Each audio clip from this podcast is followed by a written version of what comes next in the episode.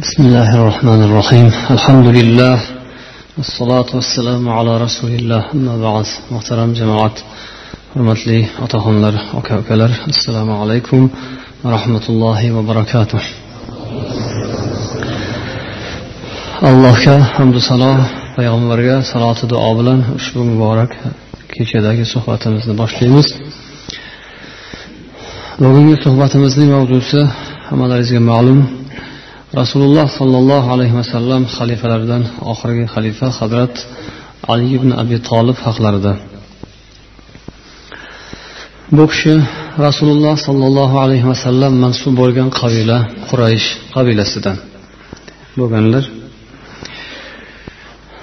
rasululloh sollallohu alayhi vasallamni qarindoshlari jiyanlari. Avvalgi xalifa esa hazrati usmon roziyallohu anhu payg'ambar sollallohu alayhi vasallam xonadonlari bo'lgan hoshimiylar xonadonidan. Emas boshqa xonadondan edilar.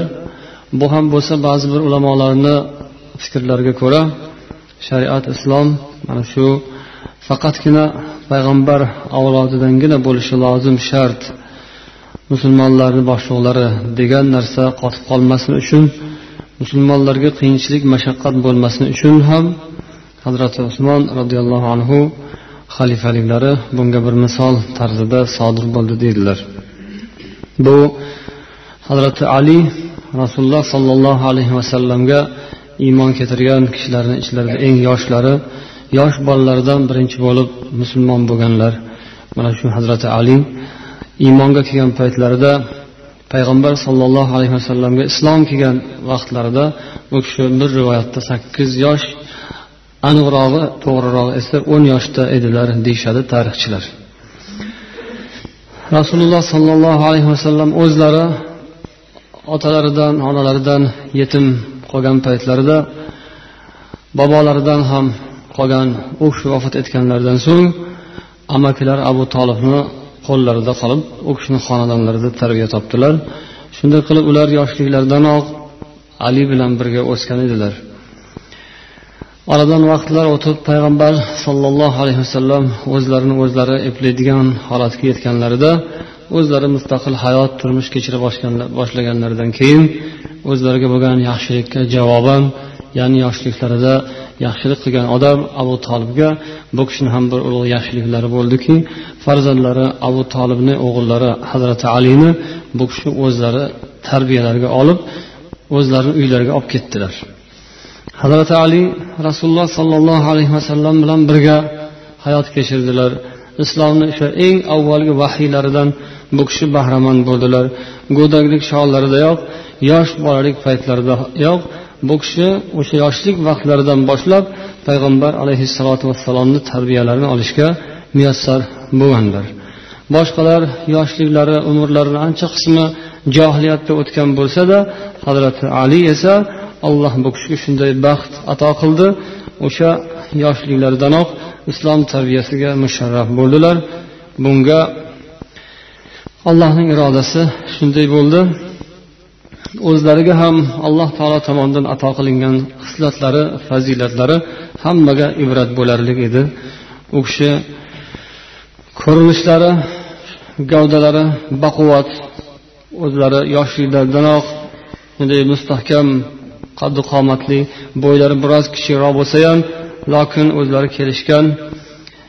Keyinchalik islom pahlavonlari qatorida zikr qilinib bahodirliklari jasur dovyurak kishi ekanliklari bilan ham hammaga hatto dushmanlarga ham islom dushmanlariga ham bu kishini ovozalari tarqagan.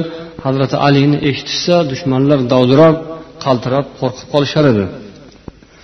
Shu bilan bir qatorda nafaqat u kishi moddiy jismoniy baquvvat balkim hali eslaganimizdek dovyurak yoshliklardanoq dovyurak bola bo'lib o'sgan edilar. Bunga misol qilib hazrati payg'ambar sollallohu alayhi vasallam makkadan yasribga madinaga hijrat qilib ketar vaqtlarida o'rinlariga hazrati alini qoldirib kofirlarni ko'zini shamg'alat qilish uchun ularni bildirmasdan sezdirmay o'rinlariga hazrati alini qoldirib chiqib ketgan edilar. Xuddi o'sha vaqtda kofirlar mushriklar payg'ambar sollallohu alayhi vasallamga boshqa choralar ta'sir qilmagandan keyin u kishini eng oxirgi yo'l bilan eng iflos yo'l bilan ya'ni o'ldirish qatl qilish yo'li bilan u kishidan qutulmoqchi bo'lib xuddi o'sha kechasida bir qancha askarlarni tayyorlab chiqishlarini poylab yotgan chog'larida rasulullohni o'rinlarida hazrati ali yotishga rozi bo'ldilar. Bu uncha muncha odamni qo'ldan kelmaydigan kattaroq odamlarni ham bunga yuragi dosh berolmaydigan og'ir bir holat edi. Lokin alini shu go'daklik yoshlik chog'laridanoq dovyurak botir uncha muncha narsadan qo'rqmaydigan yuraklari baquvvat kishi bola bo'lganlariga bu bir misol bo'ladi. Yoshligida olgan tarbiya ta'limlari bilan keyinchalik ham islomga musulmonlikka ko'p xizmatlarni qildilar. Dini islomni himoyasi uchun ko'p mashaqqatlarga bular sabr bardosh berdilar. Payg'ambar sollallohu alayhi vasallam o'sha kechasi allohning izni bilan irodasi bilan dushmanlarni qo'lidan sog' salomat chiqib to g'orga yetib borgunlarga qadar bular sezmay bilmay qolishdi. Keyin ertalab turib qarashsa o'rinlarida bir yoshgina bola yotibdi. Hazrati ali payg'ambar sollallohu alayhi vasallamga qoldirilgan omonatlarni egalariga tarqatib berish vazifasi ham u kishiga yuklatilgan edi. Rasululloh sollallohu alayhi vasallam johiliyat vaqtida ham mushriklar kofirlar u kishiga o'zlariga ishonmasalar ham o'zlarini yaqin mushriklariga o'zlarini xudolariga ishonmasalar ham lokin payg'ambarga ishonardilar. U kishini yo'llariga kirmasdilaru ammo u kishini haqqoniy odil kishi halol pokiza inson ekanliklariga kofirlarni o'zlari ham tan berishardi. O'zlari rasulullohga qarshi hammalari bitta yo'lda edilaru bir birlariga ishonishmas edi pullarga kelganda bir birlariga ishonishmasdi. Pulga shunaqa o'ch xalq edilar. Pulni ko'rganda bir birlarini sotib qo'yishar edi dunyoni ko'rganda bir birlariga xiyonat qilib qo'yishardi mushrik kofirlar. Shuning uchun ham ular o'ldirishda birga bo'lishaverardiyu ammo o'zlarini pullarini saqlasholmas edi payg'ambar sollallohu alayhi vasallam oldilariga kelib boshqalarga sheriklarga bildirmasdan omonatlarni qo'yib ketardilar. Shuni saqlab bering deb. O'sha omonatlarni rasululloh haqiqatdan ham xiyonat qilmasdan saqlardilar. Uni boshqa hammalari bilishardi. Shu omonatlarni egalariga eson omon topshirish uchun ham o'rinlariga hazrati alini qoldirib ketgan edilar. Hazrati ali omonatlarni eson omon joyiga topshirib keyin payg'ambar sollallohu alayhi vasallam chetlaridan borib madinaga yetdilar. To rasululloh sollallohu alayhi vasallam hayotlarining oxirigacha hazrati ali u kishi bilan birga nimaiki xizmat bo'lsa din uchun islom uchun hech ikkilanmasdan qo'rqmasdan orqaga tashlamasdan rasululloh bilan birga bo'ldilar. Hamma janglarda u kishi qatnashdilar. Payg'ambar alayhi tabuk g'azvasidan boshqa hamma janglarda birga bo'ldilar.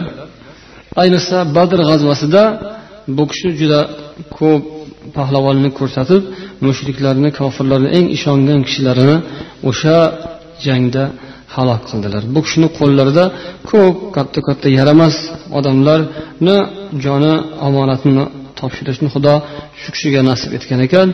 Ancha muncha pahlavonliklari bilan musulmonlarni qutqardilar. Hatto o'sha janglarni odati bo'yicha ikki tomondan pahlavonlar chiqishib jang urush boshlanishidan oldin o'zlariga barobar keladigan bahodirlarni chaqirib o'rtada yakkama yakka muboraza qilishardi. Ana shunday muborazalardan birida handaq g'azvasida amr ibn g'ud degan odam ularni juda o'rtalarida nom chiqargan pahlavonlardan biri edi. Shu o'rtaga chiqib qani menga tenglashadigan odam bormi? Men bilan barobar keladigan bahodir bormi? deb turgan paytda hazrati ali yoshgina yigitcha borib bir necha daqiqalarni ichida uni saramjon sarishta qilib qo'ygan ekanlar. Payg'ambar sollallohu alayhi vasallam qizlari hazrati fotima roziyallohu anho onamizni bu kishiga turmushga berganlar. Bu kishi rasululloh sollallohu alayhi vasallamni boshqa kuyovlariga xilof o'laroq ulardan farqli o'laroq kambag'al kishi bo'lganlar. Otalari abu tolib ham kambag'al odam bo'lib bola chaqalarini farzandlarini boqishda qiynalganlari uchun ham hazrati alini rasululloh o'zlarini tarbiyalarga olib u oilaga o'zlariga yaxshilik qilgan xonadonga yaxshilik qildilar. Oxirida hazrati aliga qizlarini turmushga uzatdilar. Oldinisiga payg'ambar alayhissalomni qizlarini so'rashib sahobalardan bir qanchalari aytishlariga qaraganda abu bakr siddiq roziyallohu anhu va umar ibn hattob har ikkovlari rasulullohga kuyov bo'lishni orzu qilishardi. Boshqalar ham o'zlarini xohishlarini orzularini kimlardir orqali izhor qilishganda rasululloh sollallohu alayhi vasallam ularga bermadilar. Hazrati aliga berdilar. Hazrati ali hali aytilganidek hazrati usmonga o'xshagan boy badavlat odam emasdilar. Usmon roziyallohu anhuni esa boyliklar haddan tashqari ziyoda ekanligi shu boylik bilan islomga qanchalar xizmat qilganliklaridan xabaringiz bor. Bu kishi esa uylanayotgan vaqtlarida fotima onamizga mahr berishga ham biror bir narsa topolmagan ekanlar oxiri usmon ibn affonning oldilariga borib o'zlarini sovutlarini u kishiga omonatga garovga qo'yib to'rt yuz dirham olgan ekanlar uylanishlari uchun to'y uchun fotima onamizga mahr uchun. Keyinchalik hazrati usmon buni sezib qoldilar. Ya'ni olgan pullari shu to'y uchun. Rasululloh sollallohu alayhi vasallam qizlari fotima onamizga uylanishlari uchun va u kishiga mahr uchun olganlarini bilganlaridan so'ng hali olgan narsalarini qaytarib berdilar va uni olloh yo'lida hadya deb e'lon qildilar. Chunki u kishi birdan bir narsalar o'sha sovut qalqonlari edi hazrati alini. Bor boyliklari shu edi unaqa molparast dunyoparast odam emasdilar hamma narsani pulga chaqadigan. Shu bor narsalarini to'y uchun payg'ambar sollallohu alayhi vasallamga kuyov bo'lish uchun omonatga hazrati usmonga beruvdilar. Hazrati usmon buni qaytarib berdilar. Hazrati fotima onamiz ham boshqa singillariga opalarga o'xshab boy badavlat xonadoniga emas bir faqir kambag'algina xonadonga kelin bo'ldilar. Va bunga albatta hammalari rozilik bilan shunga qanoat bilan ko'nishdi. Shunday turmushga ular rozi bo'lishdi. Hazrati fotima onamiz haqlarida ko'p rivoyatlarda u kishini oilaviy turmushda ro'zg'or ishlarida qiynalib ketganlari hatto o'zlari unni tortib tegirmonda un qilish non yopish mayda chuyda ishlardan tortib katta katta erkaklar ham qilolmaydigan ishlarni bajarganlari man payg'ambarni qiziman deb biron bir o'rinda kattalik yoki kibr havoga yo'l qo'ymasdan hokisorlik bilan kamtarona oddiy hayot kechirganlari haqida rivoyatlar eshitgansizlar kitoblarda. Hammaga ibrat bo'ladigan chiroyli bular haqida bularni turmushlari haqida qancha ibrat olsa arziydigan voqealar ko'p bo'lgan. Hatto kunlardan bir kuni judayam qiynalib qo'llari qavarib mashaqqat tortib ketganlaridan payg'ambarni huzurlariga borib o'zlariga aytolmasdan oysha onamizga aytib shu eshitishimizcha bir qancha cho'rilar bor ekan shundan birontasini dadamiz bizga berarmikinlar biz judayam qiynalib ketdik deganlarida payg'ambar alayhissalomni bergan javoblari ham esinglarda bo'lsa kerak. Kelib uylariga rasululloh o'zlari kelib ularni turmushlarini ko'rib yana buni ustiga ko'rib turib ham man sizlarga so'raganinglardan ham ko'ra foydaliroq narsani aytaman. Chiroyliroq o'sha xizmatchidan ham ko'ra foydaliroq yaxshiroq yo'lni sizlarga ko'rsatayin deb tasbihu takbiru tahlil aytishga buyurib ketdilar. O'ttiz uch martadan subhanalloh alhamdulillah allohu akbarni aytsanglar shu so'raganinglardan ko'ra foydaliroq deb o'zlari eng suygan qizlariga eng yaxshi ko'rgan farzandlariga ko'rsatgan yo'llari shu bo'ldi. Eng yaxshi ko'rgan sahobiylarga men sendan sen esa mendan deb rasululloh hazrati aliga shunaqa yuqori baho beruvdilar seni yaxshi ko'rgan odam mo'min bo'ladi. Seni yomon ko'rgan munofiq bo'ladi. Faqat munofiq seni yomonlaydi yomon ko'radi. Faqat mo'mingina seni yaxshi ko'radi deb rasululloh shunday yuksak baho bergan o'zlarini eng suyukli kuyovlariga aytgan so'zlari shu bo'ldi. Sizlarga tayyor xizmatkordan ko'ra mana shu foydaliroq deb. Subhanalloh allohni alloh taoloni aybu nuqson kamchiliklardan poklab yod etaman. Hamma aybu nuqson bizda o'zimizda. Ollohdan emas o'zimizdan kamchilik nuqson. Alloh esa pokiza zot.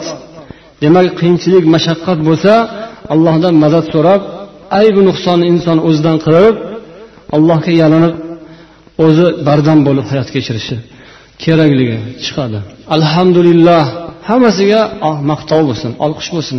Shunaqa kambag'allik bo'lsa ham muhtojlik faqirlik bo'lsa ham mashaqqat qiyinchilik bo'lsa ham ro'zg'or oila tebratish shunaqa og'ir bo'lsa ham allohga maqtov bo'lsin. Allohni maqtaymiz allohga hamdu sano aytamiz chunki biz baribir allohdan qarzdormiz. Ozgina bergan bo'lsa ham ko'pgina qarzdor bo'lib qolaveramiz. Shuning uchun boriga ham yo'g'iga ham oziga ham ko'piga ham allohga shukur bo'lsin. Shukrona hamdu sano bo'lsin. Deyish bu mo'minlik musulmonlik ekanini rasululloh o'rgatyaptilar. Shunday qilib bularni hayotlari mana shu tarzda bu dunyo lazzatidan ko'ra oxirat rohatini ustun qo'ygan holda o'tardi. Bo'lmasam payg'ambar bir og'iz so'zlari bir ishoralari kifoya edi. Borib hammalari oyoqqa turib rasulullohning qizlari bular rasulullohning kuyovlari deb nimaiki xizmat bo'lsa ular jon jon deb qilishardi odamlar. Bu sharaf edi. Bu oilaga foydalari tegib ozgina yordamlari tegsa sahobiylar judayam o'zlarini baxtli hisoblab xursand bo'lib ketishardi. Lokin rasululloh sollallohu alayhi vasallam ham fotima onamiz ham hazrati ali roziyallohu anhu ham bu narsani suiiste'mol qilishmas edi. Balkim tavakkul allohga deb ojizona bir kamtarona sodda faqirona hayot kechirishga rozi bo'lgan odamlar edilar. Alloh ulardan rozi bo'lsin. Qolganlarimizdan ham alloh rozi bo'lib hammamizni parvardigor olam o'sha zotlar orzu qilib yashagan ular o'sha oxirat jannat orzusida shu dunyoni mashaqqatlariga sabr qilgan hech narsa deb fahmlamagan bu dunyoni qiyinchiliklarini og'irliklarini nazar pisand qilmasdan o'ta olgan baxtli odam bo'lib o'ta olgan kishilardek hayot kechirishimizni alloh bizga ham nasib etsin deb bu hikoyalarni eshitganda o'zimizga o'zimiz insof so'raymiz. Hazrati ali roziyallohu anhudan oldingi xalifa hazrati usmon u kishini hayotlari fitnalar bilan to'liq bo'lib o'tgani oxiri ham shu fitnalarni oqibatida u kishi shahid bo'lganlarini eshitdik. Payg'ambar alayhissalotu vassalomdan bunga ishoralar bo'lgan edi. Hazrati usmon zamonlaridan boshlandi fitnalar. Hazrati umar fitnalarini to'siq edilar go'yoki hazrati umarning halok bo'lishlari fitnalar darvozasini sindirdi. Qaytib to'silmaydigan to qiyomatgacha to'xtamaydigan holatda fitnalar boshlandi. Hazrati usmondagi fitna hazrati ali zamonlarida ham davom etdi.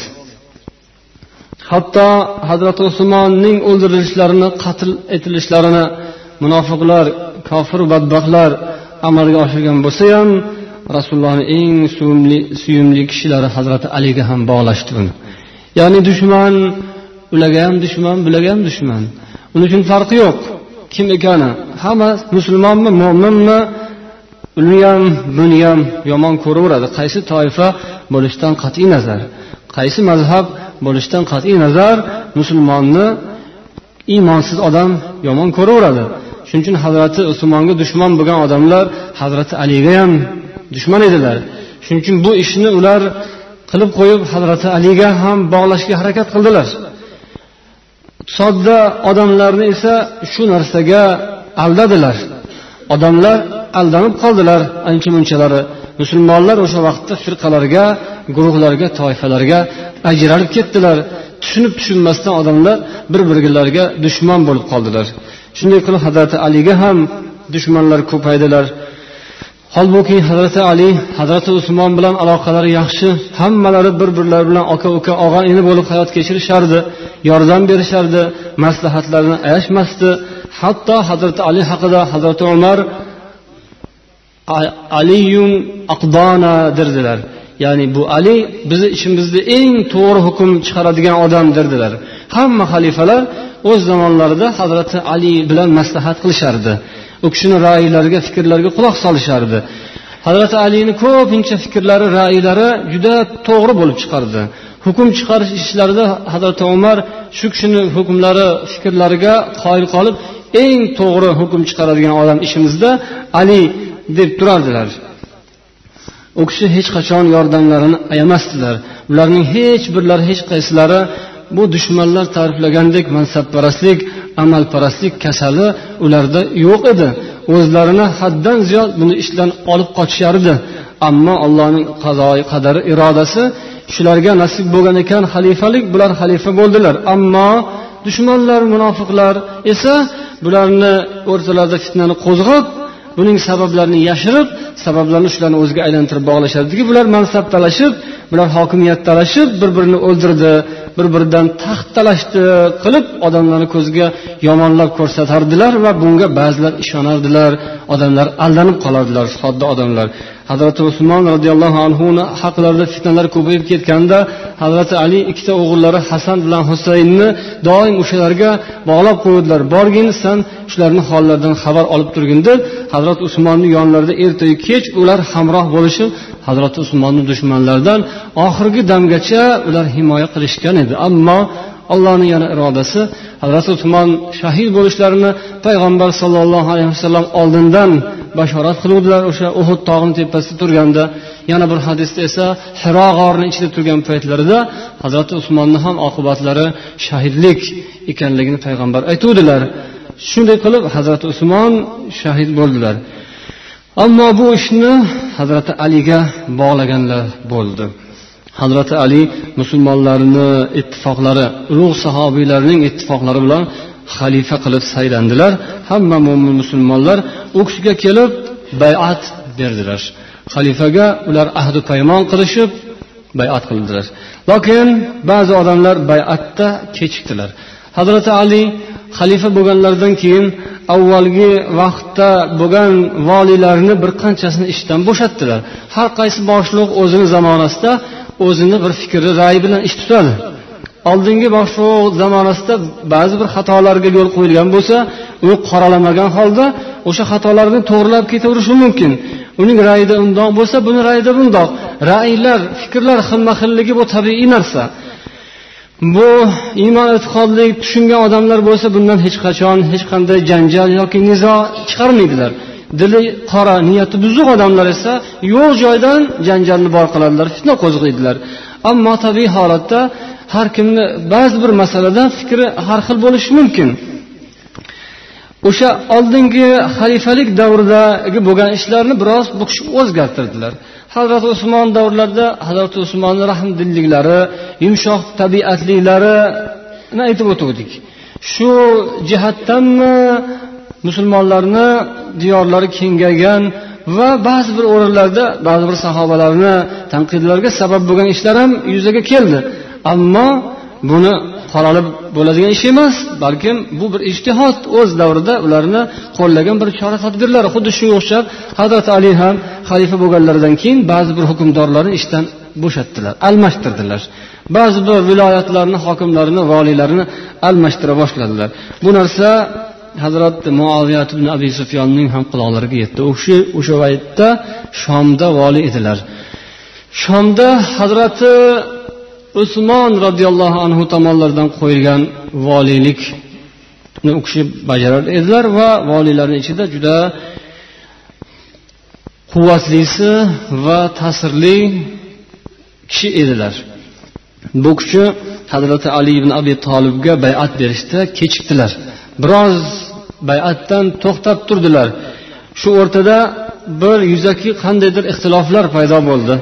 Ya'ni har bir kishi o'zini fikrini aytish imkoniyati bo'lgandek hazrati muoviya ham hazrati alini voliylarni hokimlarni almashtirish masalasiga balkim qo'shilmadilar o'zlarini ra'ylarini bildirdilar. Yoki ba'zi birlar esa hazrati usmonning qotillarini topib jazolamasdan turib biz u kishiga bayat bermaymiz degan gaplarni ham ko'tarib chiqa boshlashdi.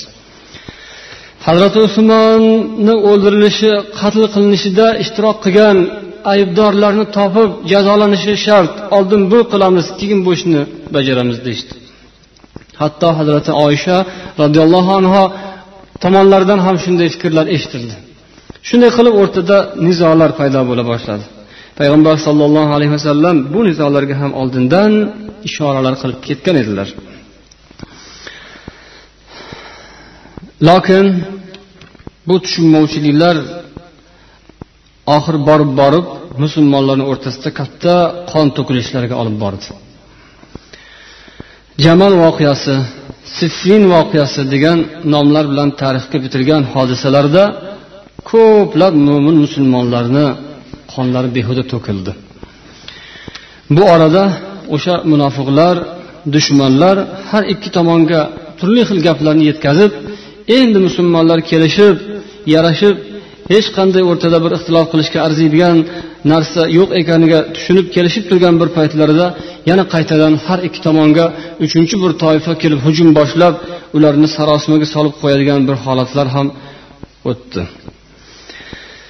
Hazrati usmon bin affon xalifaliklarini nihoyasi u kishini demak shahidligi bilan tugagan bo'lsa bularni qotillarini topishda darhol zudlik bilan choralar ko'rish qiyinlashgani hazrati ali bunda ancha mashaqqatga duchor kelib qolganlarini hujjat qilishib mana bu kishi ham shu ishda qo'li bo'lmasa tezroq topib qotillarni jazolamasmidi? Aslida bu odamlarni o'zini ham shunga hissasi bor degan yomon gaplarni hazrati ali haqida aytib boshladilar. Shunday qilib hazrati muaviya va hazrati ali tomonlarida o'rtalarida ixtilof chiqib bu jangga aylanib ketdi. Lokin oxirida hazrati ali roziyallohu anhu tarafdorlari u kishiga bayat bergan odamlar muoviya tomonlariga bostirishib borib xalifaga bayat bermagan tomon ekanligida ayblab o'rtada janjal chiqqan paytida urushga jangga aylangan mahalda hazrati muaviya tomonidagi kishilar mushofni qur'oni karimni nayzalar ustiga ko'tarib jangni to'xtatishdi. Ya'ni mana shu qur'oni karimga qarab biz amal qilaylik qur'onni o'rtamizda hukmron qilaylik har ikki tomon musulmon bo'lsayu qur'onga amal qilsayu bir bir bilan olishib qonini to'ksa bu qandoq gap degan shior bilan chiqqanlaridan so'ng musulmonlar o'zlaridan o'zlari to'xtadilar jangdan. Keyin o'rtada bir kelishuv bo'ldi va har ikki tomondan ikkita vakil saylanib shu vakillar muzokara olib borishib masalani hal qilishga qaror qildilar. Shu vakillarni birlari hazrati ali tomonlaridan abu muso al ashariy hazrati muaviya tomonlarida esa amr ibn osni saylashib ular o'rtada hukm chiqarmoqchi bo'lishdi. Shunda ular kelishdiki avvalambor bizni birinchi qiladigan ishimiz shu bo'lsinki har ikki tomon o'zini xalifasini ishdan azl qilsin dedilar. Ho'p deb kelishib hazrati abu muso al ashariy man o'zimni va'damni bajardim alini man xalifalikdan bo'shatdim ozod qildim dedilar. Ammo ikkinchi tomonda turgan amr ibn os esa ustalik qilib agar siz alini xalifalikdan bo'shatgan bo'lsangiz man muoviyani xalifalikka tayinladim debordi shunday qilib yana o'rtada nizo bo'lib o'rtada yana avvalgiga o'xshagan kelishmovchiliklar fitnalar davom etib oxiri hazrati alini o'zlarini odamlarni ishlaridan qarshiliklar paydo bo'lib ali nima uchun odamlarni o'rtaga solib qur'on turganda odamlarni hukmron qiladi deb hazrati aliga bayat bergan odamlardan yigirma to'rt ming kishi hazrati alini o'zlariga qarshi chiqa boshladilar. Shunday qilib bir tomonda hazrati alini haddan tashqari yaxshi ko'radiganlar u kishini hatto muqaddaslashtirib payg'ambar darajasiga keyinchalik esa ba'zi bir toifalar hazrati alini xudo darajasiga ko'tarib yuborganlar bo'lsa ikkinchi bir tomonda hazrati ali yo'ldan ozdi. Ali bu payg'ambar yo'llarida yurmadi. U musulmonlarni o'rtasini bo'lib yubordi qilib tuhmat qilishib havorijlar degan toifa paydo bo'ldi hazrat aliga qarshi bo'lib chiqib boshladilar. Lokin bu orada tarixlarda hikoya qilinishicha abdulloh ibn Mas abdulloh ibn abbos roziyallohu anhu hazrati alini yonlarida turib himoya qilib u kishi o'sha yigirma to'rt ming odam yig'ilib hazrati aliga qarshi bo'lib turgan paytda borib ular bilan tinch suratda suhbatlashib ularga voqeani to'g'ri tushuntirishga harakat qilganliklarini mana kitoblarda shunday ta'rif qilishadi. Hazrati alidan ruxsat so'rab borib man o'sha odamlar bilan gaplashishga ijozat bering deydilar. Abdulloh ibn abbos borib o'sha toifalar bilan so'zlashuvga kirishib nima davolaringiz bor alini ustida? deb so'rasalar ular aytishadiki biz uchta narsada alini ayblaymiz deyishdi. Kitobi qolib odamlarni o'rtaga chiqarib hukmronlikni odamlardan so'radi. Odamlarni ollohni kitobini o'rniga hukm chiqarishga qo'yib qo'ydi. Ikkinchisi u muaviya bilan oysha bilan jang qildiyu lokin bir qancha g'animatlar va asrlar olish mumkin bo'lgan holda asr olmadi. Asr qilib olish kerak edi ulardan dedilar. Uchinchi aybi shuki amirul mo'minin deb biz uni aytadiku lokin u o'zidan amirul mo'mininlik libosini yechdi. Ya'ni mayli agar tinchlik bo'ladigan bo'lsa man xalifalikdan voz kechdim. Degan so'zlarni bular hamma mo'min musulmonlar bunga bayat berib turgan bo'lsa o'ziga amir qilib turgan bo'lsa bu amirlikni o'zidan uloqtirib tashladi. Bu demak allohni hukmini rad etgan odam. Shuning uchun biz bunga itoat qilmaymiz biz bunga qarshi urushamiz deb qolishdilar. Hazrati abdulloh ibn abbos aytdilarki bo'lmasam man sizlarga ollohni kitobidan javob bersam payg'ambari so'zlaridan sizlarga bu davolaringizga javob bersam qabul qilasizlarmi? Ular aytishdi ha qabul qilamiz. shunda abdulloh ibn abbos aytdilarki alloh taolo moida surasini to'qson beshinchi oyatida aytadiki أعوذ بالله من الشيطان الرجيم يا أيها الذين آمنوا لا تقتلوا الصيد وأنتم حرم ومن قتله منكم متعمدا فجزاء مثل ما قتل من النعم يحكم به ذوى عدل منكم alloh aytadiki ey iymon keltirgan kishilar sizlar ehromda turgan paytlaringizda ov qilmanglar Ov qilib biron bir narsani o'ldirmanglar. Haj qilib ehrom qilib turgan bo'lsalaringiz kimki sizlarni ishlaringizdan ehromda turgan holida atayin biron bir narsani o'ldirib ov qilib qo'ysa endi u xuddi chorva hayvonlaridan mollardan biron bir narsani o'ldirib qo'yganidek unga to'lov to'laydi jazo to'laydi. Va buni sizlarga tafsilotlarini ishlaringizdan adolatli ikkita odam hal qilib beradi degan qur'onda. Demak ichinglardan ikkita adolatli odam shu masalani hal qilib bersin sizlarga deb qur'onda aytibdi. Lokin nima masalada aytibdi? Oddiy bir hayvon masalasida aytibdi. Biron bir quyonni o'ldirib qo'ysa ham shunga taalluqli. Bir quyonning qoni to'kilganda alloh taolo ikkita odam adolatli odam buni hal qilsin deyatibdiyu qancha qancha odamlarni qoni to'kilayotgan mahalda ularni haqqini tiklab o'shalarni masalasini ko'rish bu arzimaydimi? Oddiy bir quyonning qoni oddiy bir hayvonni qoni to'kilishini himoya qilib uning qoni to'kilmasin deb olloh qur'oni karimda o'rtalaringizdan ikkita adolatli odamni chiqaringlar hal qilsin desa unda haqqi bor. Uning qoni shunaqa qimmatliyu ammo qancha qancha mo'minlar musulmonlarni qoni to'kilib ketayotgan bo'lsa shularni saqlab qolish uchun ikkita odam o'rtaga tushib ollohni kitobi bilan shu narsani hal qilsa bu yomonmi? Deganlaridan keyin ular jim bo'lib qolishdi. Nima deyishlarini bilishmadi. Shunday qilib hazrati aliga qo'yayotgan bitta ayblaridan ular voz kechishdi. Bo'ldi tamom bo'ldik deyishdi. Mayli bu gapni olib tashladik deyishdi. Ikkinchisi ya'ni sizlar aytyapsizlarki ali bilan oysha onamiz o'rtalarida tushunmovchilik bo'lib o'sha munofiqlarni fitnasi sabab bo'lib jang bo'ldi urush bo'ldi qancha odamlarni qoni to'kildiyu lokin alining xatosi asr olmadi g'animat olmadi ularni moli mulkini taron talosh qilmadi olmadi deb ayb qo'yyapsizlar ha sizlar ollohning kalomini esinglardan chiqardinglarmi alloh taolo qur'oni karimda aytadiki ahzob surasining oltinchi oyatida أعوذ بالله من الشيطان الرجيم النبي أولى بالمؤمنين من أنفسهم وأزواجه أمهاتهم payg'ambar mo'minlarga ularning jonlaridan ham ko'ra yaqinroq. Mo'minlar uchun payg'ambar jonlaridan ham ko'ra azizroq. Va uning ayollari esa payg'ambarning jufti halollari esa mo'minlarning onalaridir degan. Qur'oni karimda ollohning rasulini ayollari payg'ambarning ayollarini onalaringiz deb tursa sizlar onalaringizni asr olmoqchi bo'lasizlarmi? Onalaringizni asr qilib olib ketishga rozi bo'larmidinglar shuni talab qilyapsizlarmi sizlar alidan? Nima deysizlar bunga deganda unda ham jim qolishdi. Bo'pti biz xato qilibmiz deyishdilar. Uchinchi da'volari ya'ni ali o'zini xalifaligidan voz kechdi. Voz kechgan bo'lsa u kishi tinchlik bo'lsin deb voz kechgan edi. Sizlar buni unga ayb qilib qo'yasizlar. Holbuki rasululloh sollallohu alayhi vasallam hudaybiya sulhida mushriklar bilan tinchlik shartnomasini imzolayotgan paytlarida o'sha shartnomaga birinchi bu tomondan ya'ni muhammad sollallohu alayhi vasallam o'zlari nomlarini hada ma qaba alayhi muhammadun rasulullohi va qurayshun deb yozdirgan edilar. Ya'ni mana bu allohning rasuli muhammad va makka ahlining kelishgan shartnomasi deb tepasiga sarlavha yozmoqchi bo'luvdilar. Shunda mushriklar makkaliklar aytishdiki ey bu rasululloh deganing nimasi? Biz agar sani rasululloh ekaningga tan berganimizda seni rasululloh ekaningni biz tan olganimizda bu yerda sen bilan talashib o'tirmasdik.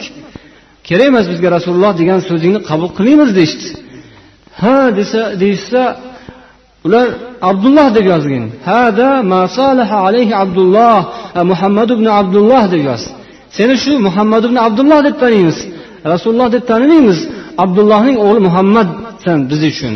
Rasululloh emassan. Agar rasululloh bo'lganingda biz bu yerda talashmasdik deyishganda rasululloh nima dedilar shunda? Xo'p deb rozi bo'lib u kishi shuni o'chirishga buyuruvdilar. Sahobalar o'chirgani qo'rqishdi unashmadi. Qanday qilib rasululloh degan so'zni o'chirib ustidan boshqa narsa yozamiz deganda rasululloh bir rivoyatda o'zlari qo'llar bilan o'chirdilar deyilgan. Keyin o'rniga muhammad ibn abdulloh deb yozdilar. Rasulullohdek zot rasululloh degan nomni olib o'rniga muhammad ibn abdulloh deb yozishga ko'nuvdilar bu ali ham odamlarni qoni to'kilmasin tinchlik bo'lsin musulmonlar janjal qilishmasin degan maqsad bilan shu xalifa degan so'zni yoki amirul mo'minin degan so'zni olib tashlasa shu xato bo'libdimi unda rasulullohni ishlari nima bo'lgan bo'ladi degan so'zlarni aytganlaridan keyin ular bundan ham qaytishdi tavba qildik bilmabmiz xato qildik deb hazrati aliga qarshi bo'lgan odamlar anchalari o'zlarini yo'llaridan yomon yo'llardan qaytdilar. Shunday qilib hazrati abdulloh ibn abbos ning shu uchrashuvlari shu suhbatlarini sharofati bilan haligi yigirma to'rt ming odamning yigirma mingi qaytgan ekan. Yigirma mingi yana kelib hazrati alini yonlarida bo'lishdi. Ular uzr ma'zur qilishdi ammo to'rt ming odam o'sha gapida so'zida turib oldi. Ular hazrati aliga qarshiliklaricha qolishdi. Shunday qilib o'sha havorijlar degan toifa ahli sunna va jamoadan ajrab adashib ketgan adashgan toifalar o'sha vaqtdan boshlandi. Mana shunaqangi fitnalarga dosh berolmasdan mo'minlar musulmonlarni ichlarida firqalar turli xil hizblar jamoalar guruh guruhlar paydo bo'lib bir birlariga qarama qarshi bo'lib qoldilar.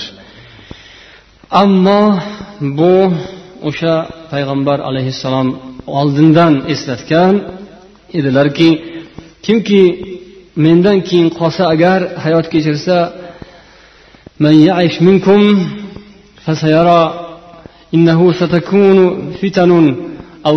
rasululloh yaqinda ko'p fitnalar bo'ladi deb oldindan aytdilar va undan ogohlantirganlar. Iymoni mustahkam odamlar e'tiqodi mustahkam odam dilida g'arazi kina adovati g'ashi g'ili bo'lmagan sof mo'min musulmonlar har qanday fitnalar bo'lgan holatda ham iymonlarini salomat saqlab qola oldilar. Ammo dillarida har xil narsalarning g'arazi bo'lgan mansabparast odamlar yoki islomni yomon ko'radigan odamlar esa mana shu fitnalarda turli xil yomon ishlarga qo'l urdilar va har xil toifalarga bo'linib adashib ketdilar.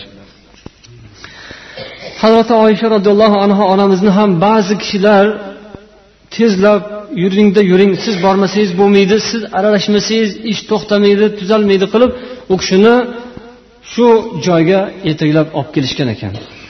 Ammo u kishi yo'lda kela turib bir joyga kelganda avvalroq ham bir ma'ruzalarimizda aytib o'tuvdik esinglarda bo'lsa itlarni tovushini hurganini eshitib qoladilarda va bu qanaqa joy deb so'raydilar.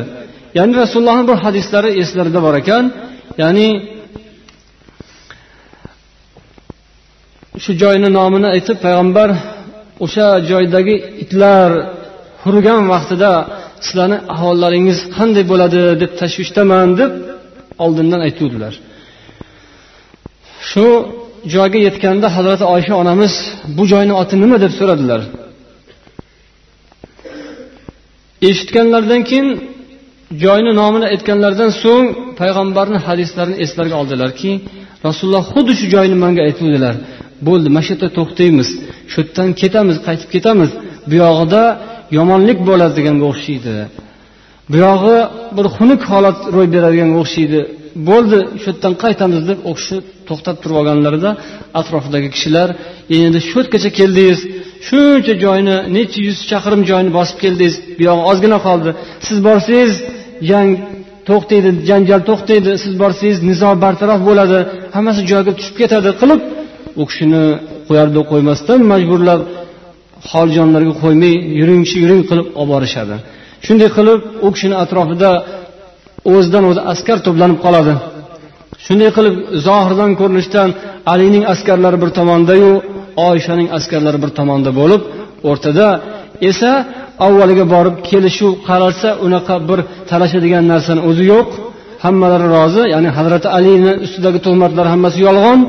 U kishi ham o'sha hazrati usmonni eng yaxshi ko'radigan odamlari qotillarni topish taraddudida bu narsalarni eshitib hammalari kelishuv bo'lib orqalariga qaytib hech gap yo'q ekanligi ma'lum bo'lib endi askarlar ertalab tong saharlab yo'lga tushmoqchi bo'lib turgan mahalda bu ittifoq bu kelishuvni sezib qolib munofiqlar va mushriklar kofirlar qarashsa rosa pishib turibdi o'zi. Musulmonlar shunday bitta gugurt chaqib yuborsa bo'ldi yonib ketadigan holati kelib turibdi. Bunaqa holat qaytib bo'lmaydi. Bunday qilib bunday necha ming boshliq askarlarni olib kelib bir biriga ro'baro qilish bu oson emas.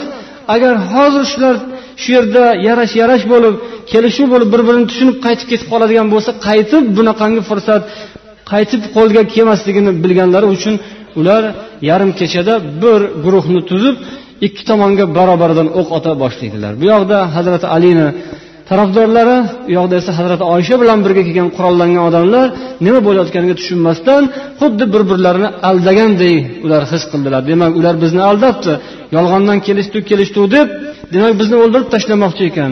Bu tomondagilar ham iye bizni uxlatib qo'yib kechasi uyqumizda qirib tashlamoqchi ekan bular deb hali nima bo'lyapti deb so'roq surishtirishga ham fursat bo'lmay hamma o'zini quroliga yopishgan hamma o'zini qilichiga chopgan shunday qilib kim kimni o'ldiryapti bilmasdan o'rtada qancha qancha odamlarni qoni bekordan bekorga behudaga to'kilib ketgan. Hatto hazrati oysha onamiz turgan tuya tuyani ustida bir havdaj ya'ni chodir tuyaga o'rnatilgan chodir o'shanga qarab o'qlar yog'ila boshladi. Kim otayotibdi hech kim bilmaydi.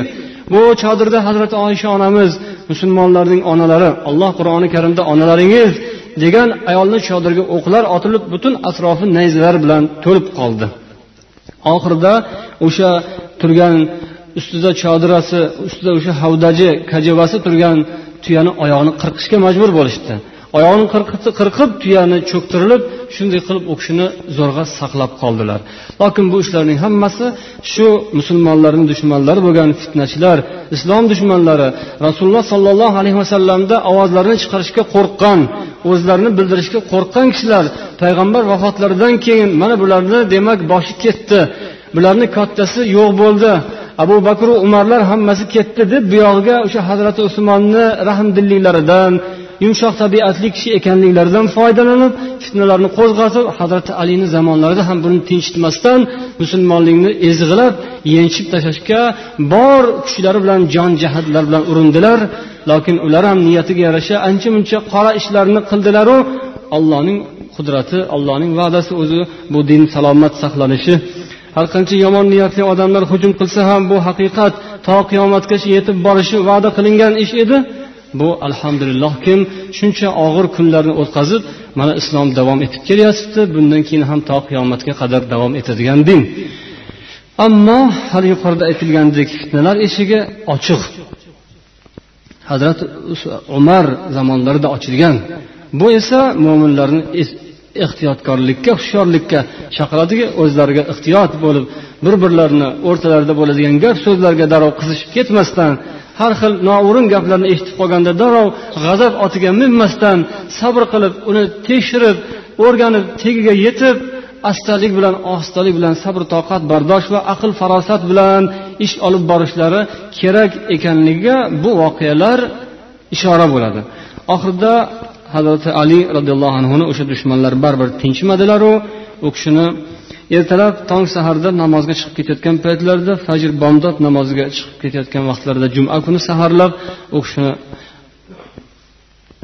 qatl qilmoqchi bo'lishdilar. Abdurahmon ibn muljam degan bir odam orqali u kishini yarador qilishdi. Bir necha kun uch kecha uch kun u kishi shu tig' yarasi bilan qiynalib yotib oxiri jon berdilar. Vafot etayotgan paytlarida ey abdul muttalibning bolalari sizlar musulmonlarni qoni yanayam ko'p to'kilishiga sabab bo'lib qolmanglar. Sabr qilinglar. Agar amirul mo'minin o'lsa halok bo'lsa amirul mo'minin o'ldi deb buni evaziga yana qanchadan qancha odamlarni qoni to'kilmasin. Amirul mo'minin o'lgan bo'lsa bitta inson o'ldi deb hisoblanglaru mani qotilimni o'zini topsanglar o'zini qatl qilinglar. Boshqa odamlarga tegmanglar mani halokatim o'limim boshqa odamlarni qoni to'kilishiga sabab bo'lmasin deb u kishi vasiyat qildilar. Mabodo qotil ushlansa uni o'sha bitta zarb bilan o'ldiringlar. Unga ortiqcha azob bermanglar qiynamanglar va uni musla qilmanglar. Musla degani quloq burunlarini a'zolarini kesish. Dushmanlar birovdan o'ch olishmoqchi bo'lsa shunaqa qiynab ya'ni kattaroq odamni ushlashgan bo'lsa o'zlarini alamlari juda ko'p ichida saqlanib yurgan bo'lsa san oppa osongina o'lib qo'ya qolasanmi? Yo'q. Seni osongina o'ldirsak san qiynalmay rohatda ketasanku san qiynalishing kerak deb ba'zi bir vahshiylar iymonsizlar odamlarni qiynab o'ldirish odatlari bu ma'lum. Burnini tilini qulog'ini oyoq qo'llarini kesish vahshiyligi ba'zi bir joylarda uchrab turadi. Yana shunaqangi ishlarga sizlar yo'l qo'ymanglar. Bu musulmonlarni ishi emas. Mo'minlar musulmonlarda bunaqa vahshiylik bo'lishi aslo mumkin emas deb vasiyat qildilar. Payg'ambar sollallohu alayhi vasallam hadislari bor. Musla qilishdan saqlaninglar. Dushmanni ya'ni o'sha quloq burun a'zolarini kesishdan saqlaninglar. Agar u quturgan it bo'lsa ham deganlar. Hayvonni ham itni ham shunday qiynash mumkin emas. U odam insonku uni u holatga solmanglar deb vasiyat qilib bu kishi dunyodan o'tdilar. Alloh taolo rahmat qilsin. Hazrati alini manoqiblari xususida u kishini fazilatlari haqidagi hadislardan bir ikkitasini eslab shu bilan suhbatimizni inshaalloh yakunlarmiz. Payg'ambar sollallohu alayhi vasallamdan imom muslim rivoyat qilgan sahih hadisda aytiladiki vallazi falaqal habbata وبرأ النسمة إنه لعهد النبي صلى الله عليه وسلم أن لا يحبك إلا مؤمن ولا يبغضك أن لا يحبك إلا مؤمن ولا يبغضك إلا منافق donalarni yorib undan o'simlik undirgan barcha maxluqotni yaratgan allohning nomiga qasam qasamyod etib aytamanki seni faqatgina mo'mingina yaxshi ko'radi va seni faqatgina munofiqqina yomon ko'radi deb payg'ambar hazrati aliga dedilar buni. Ya'ni hazrati ali haqlarida keyinchalik har xil tuhmatlar ig'vo fitnalar ko'payib ketishini demak rasululloh oldindan javobini berib qo'yganlar. Yana rasululloh dedilarki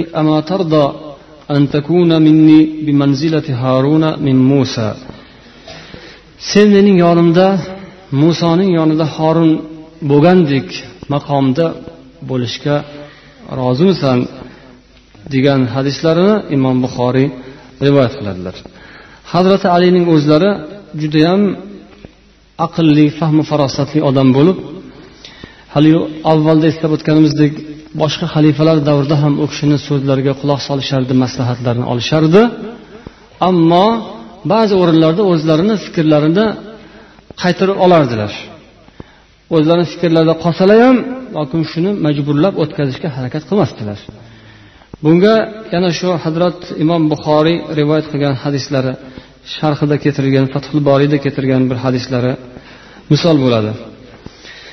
Hazrati umar roziyallohu anhu davrlarida bir masala xususida ular munozara qilishgan ekan. Ya'ni ummul valad cho'ri ayol ya'ni urushda asir tushgan cho'ri agar farzandli bo'lsa keyin shuni sotish mumkin emas. Bu shu yo'l bilan ozod bo'lib ketadi degan masala. Lokin shu sotish sotmaslik masalasida ikkovlari sotilmaydi deb qaror qilishgan ekan. Ya'ni hazrati umar bilan hazrati ali roziyallohu anhular keyinchalik esa birlari sotiladi deb ikkinchilari esa sotilmaydi deb ixtilof qilishdi. Shu masalada ikki xil xulosa yasashdi. Shunda sahobiylardan obayda kelib hazrati aliga aytdilarki ikkovlaringizni siz bilan umarni jamoat ichidagi fikringiz sizni yolg'iz o'zingiz bo'lib olib aytgan fikringizga qaraganda men uchun qimmatliroq dedilar. Ya'ni to'g'ri noto'g'ri biri to'g'ri bo'ladi biri noto'g'ri bo'ladi lokin qaysinisi to'g'ri qaysinisi noto'g'risi hal bo'lishi qiyin bo'lib turgan bir paytda ikkovinglar birlashib aytib turgan masala o'sha to'g'ri o'sha menga haq va men uchun o'shanisi yoqimliroq to'g'riroq. o'zingiz alohida aytgan fikringizga qaraganda dedilar hazrat aliga qarab hazrat ali keyin javob bergan ekanlarki اقضوا كما كنتم تقضون فإني أكره الاختلاف حتى يكون الناس جماعة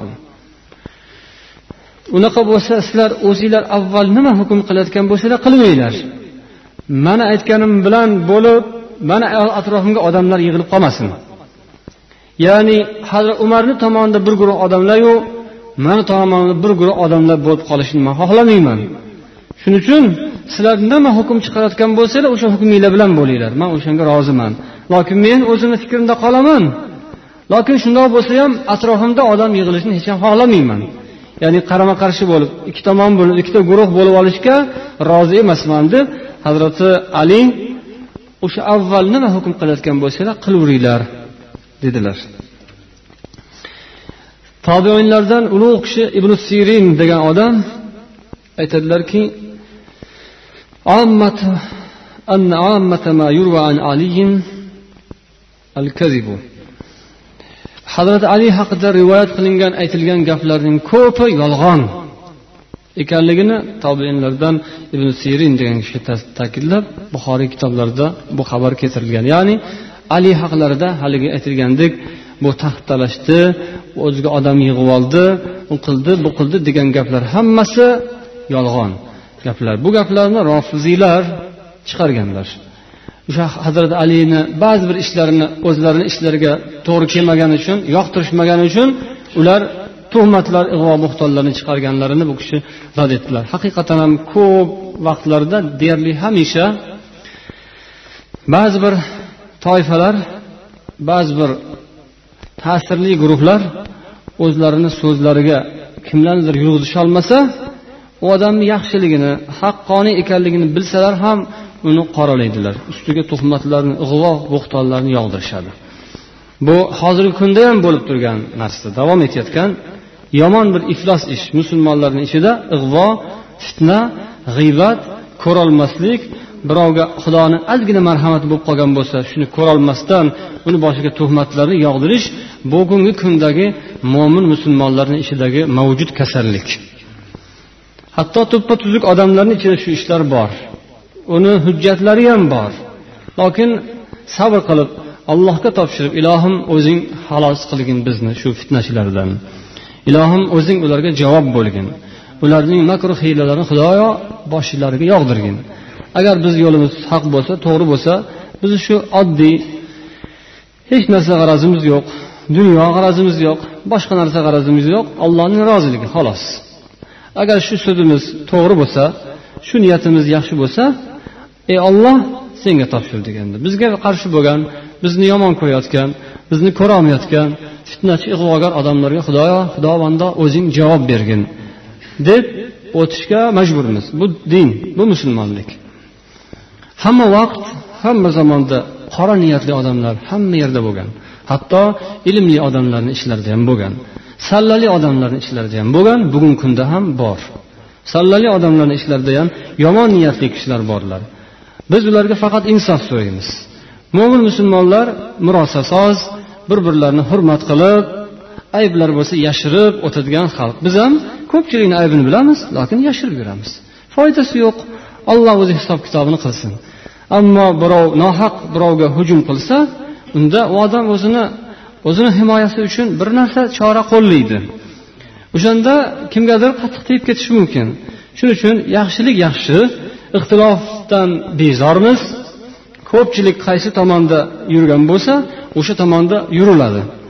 Bu o'rinda bir misolni yana keltirib o'tishim kerak. Hazrati usmon roziyallohu anhu xalifalik davrlarida hajga borsalar minoda hajda namozlar qasr o'qilardi. Hajda musofir bo'lib u yerda hamma qasr o'qiydi. Lokin hazrati usmon hajga borganlarida qasr o'qimasdan butun o'qigan ekanlar. Peshin asr namozlari to'rt rakatli namozlarni ikki rakatdan o'qilishi kerak hazrati usmon butun o'qigan ekanlar. Shunda abdulloh ibn masud roziyallohu anhu payg'ambarning ulug' sahobiylaridan birlari ko'rib xafa bo'lgan ekanlar. Eh attanga bu usmon payg'ambar sunnatlarini boshqacha qildilarku shu ikki rakat o'qisalar savobi ko'p bo'lardi. Bu kishi to'rt rakat o'qiyaptilar. Shu to'rt rakat o'qigan namozlarga ikki rakat o'qilgan namozning savobi bo'larmikin endi? Shu ikki rakat o'qilgan namozning savobi qaniydi shu to'rt rakatga berilarmikin? Orzu qilaman degan ekanlar. Lokin namoz vaqti bo'lganda o'zlari hazrat usmonga iqtido qilib to'rt rakat o'qigan ekanlar. Keyin bu so'zlarni eshitganlar kelishib ey abdulloh nima qildingiz? Hozir o'zingiz bu kishi noto'g'ri qildi dedingizu lokin ergashdingizku shu ho'p noto'g'ri bo'lsa nega ergashdingiz nega o'zingiz qo'shilib o'qidingiz to'rt rakatni alohida bo'lib ikki rakat o'qirmadingiz deganlarida al xilofu sharrun degan ekanlar. Xilof qilish teskari yo'l tutish yomon dedilar. U ish o'zi to'g'ri emas deb bilsalar ham lokin unga qo'shilmasdan alohida bo'lib olish bu undan ham battarroq to'g'ri emas ish. Ekanligini aytganlar. Shuning uchun joylarda ba'zi bir yerlarda kichkina aybu nuqson bilan ozgina xatoni pesh qilib ba'zilar alohida jamoat qilib olishga harakat qilishlari noto'g'ri narsa. Imom qanaqa bo'lsa ham fosiq bo'lsa ham fojir bo'lsa ham imomlarni fosiq fojirlari bor. Lokin shunaqa bo'lsa ham jamoat bo'linmasligi shart ekan. Sabr qilish kerak ekan. Fitnachilari ig'vogarlari bor lokin sabr qilish kerak ekan. Mayli. Deb namozni to'g'ri o'qib berayotgan bo'lsa agar qiroati tajvidi joyida bo'lsa namozni arkonlarini rukunlarini buzmasdan o'qiyotgan bo'lsa u fosiqdir fojirdir allohning huzurida deylik gunohkordir yuzi qarodir. Qilgan iflosligiga yarasha jazosini oladi allohni huzurida. Lokin bu dunyoda mo'minlar musulmonlar ixtilof qilib fitnaga qolmasliklari uchun qanaqa odam bo'lsa ham namoz o'qib berayotgan bo'lsa indamasdan orqasidan namoz o'qish kerak ekan. Buni ayblarini kavlaymaslik kerak ekan. Qarang dinni islomni muruvvatiniki fosiq bo'lsa ham fojir bo'lsa ham mayli o'qigin deyatibdiyu solih bo'lsachi yaxshi bo'lsachi odobi axloqi joyida bo'lsa iymoni taqvosi joyida bo'lsa ilmi o'ziga yetarli bo'lsa qo'ldan kelgancha dinga amal qilayotgan bo'lsa ha ungachi unga qanaqa muomala qilish kerak? Fosiq fojirni ko'tar ko'tar qilish keraku oddiy bir sodda bir kishini oddiy bir solih odamni oyoq osti qilish kerakmi? Shunaqasi ham bor lekin oddiyni oyoq osti qilib sal mundorog'ini ko'tar ko'tar qiladigan munofiqlar ham bor. Undoq emas. Olloh asrasin. Bizni tavsiyamiz sizlarga. Qanaqa odam bo'lsa ham namoz o'qib berayotgan bo'lsa indamasdan namozni o'qish kerak uni orqasida. Hazrati abdulloh ibn masud demak shunday qilganlar xilof qilish teskari bo'lib alohida jamoat tuzib olish bu xatodir. Shuning uchun biz ham biron bir jamoa alohida bo'lib olishni xato deb bilamiz. Ahli sunna val jamoa hammasi bitta yo'l. To'rt mazhab hammasi ahli sunna val jamoa. Bular bir biriga qarshi kurash qilishi urushishi bu harom mumkin emas. Bir birlarini ayblab qoralab ibodatlarini masxara qilishlari bu judayam bir xunuk narsa. Olloh asrasin. Tarixda o'tgan aqlli odamlar aqlli olimlar hammalari shunaqa chiroyli yo'l tutganlar. Mana oxirgilarini mana misol uchun zarurat uchun biz aytib o'tamiz. Rahmatli ziyovuddin qori akani bilasizlar shu diniy idorani bir necha yillar boshqargan muftiy bo'lib o'tgan alloh rahmat qilsin. U kishini ham yo'li shunaqa murosa yo'li hurmat ehtirom yo'li edi. O'sha vaqtda ham har ixtiloflar bo'lardi lokin bu odam birini ko'tarib birini yerga urganini hech eshitmaganmiz. Shuning uchun hamma u odamni yaxshi ko'rgan hurmat qilgan. O'shanaqa hamma tomonni hurmati haqqini rioya qilib borib ollohni huzurida mukofotni har kim niyatiga yarasha olishi kerak ekan. Shuning uchun ixtilof fitna bu mavjudligini payg'ambar aytib ogohlantirganlar.